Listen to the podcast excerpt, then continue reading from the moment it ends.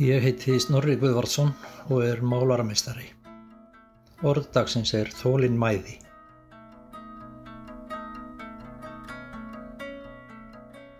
Ég og kona mín, við erum bæði málarar, en samt ekki kannski alveg venjulegir húsamálarar, því að við vinnum nær engöngu í gömlum friðum húsum og þar eru kirkjur í miklu meiri hluta. Húsasafn þjóðminnasafnsins er líka okkar vettvangur. Svo koma önnur friðuð hús svona annars slægið inn á borð hjá okkur eins og til dæmis fríkirkjuvegur 11 og gamli sjálfstæðisalurinn á NASA áður en hann var rifin. Í þessum tveimur húsum vorum við fyrst og fremst að fara yfir úr skrásetja það sem gert hafi verið í gegnum tíðina.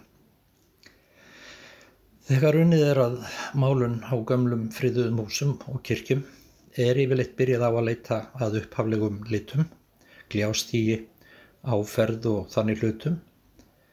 Það kostar dálítið þólinnmæði að púsa sér niður í gegnum söguna eða sem sagt málingar lag fyrir lag allt fram á byrjun og finna sem sagt upphaflega litin sem í flestum tilfellum fer viðkomandi byggingu best.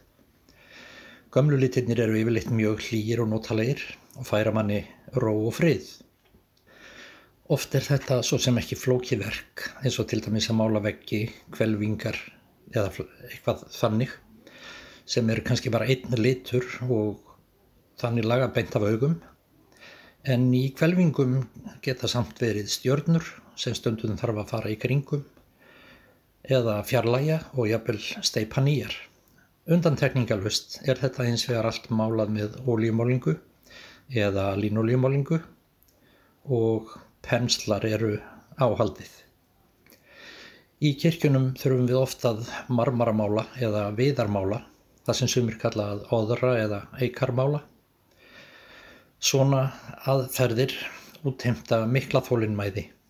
Á viðarmála þá byrja maður á viðgerðum og grunnmálun, síðan er teiknaður merkur, eikarinnar eða þeirrar viðategundar sem búa skal til, með þykkum brúnum lasúr, hann lagaður til með kömbum og látin þotna. Þá er hægt að fara aftur yfir allan flutin með þunnan lasur, þurka upp úr kannski hér og þar og búa til hlýðartrið með kömbum og fleiri áhöldum. Síðan þegar það er orðið þurrt þá er hægt að lakka yfir allt saman. Allt tekur þetta ferli marga daga og allir þessi dagar eru yfirfullir af þólinnmæði. Maður þarf ekki síður að taka sér pásur í þessari vinnu en annari.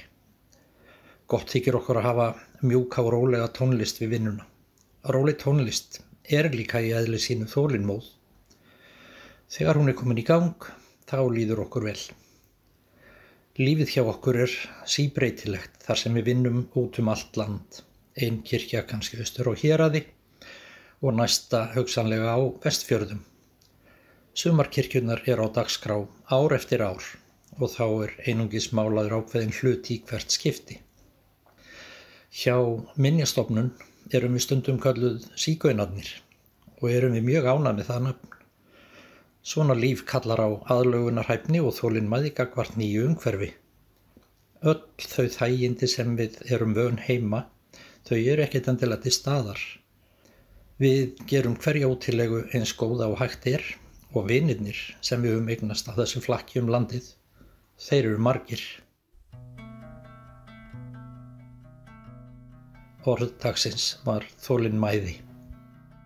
Dæmi, hann umbar krakkana af einstakri þólinn mæði.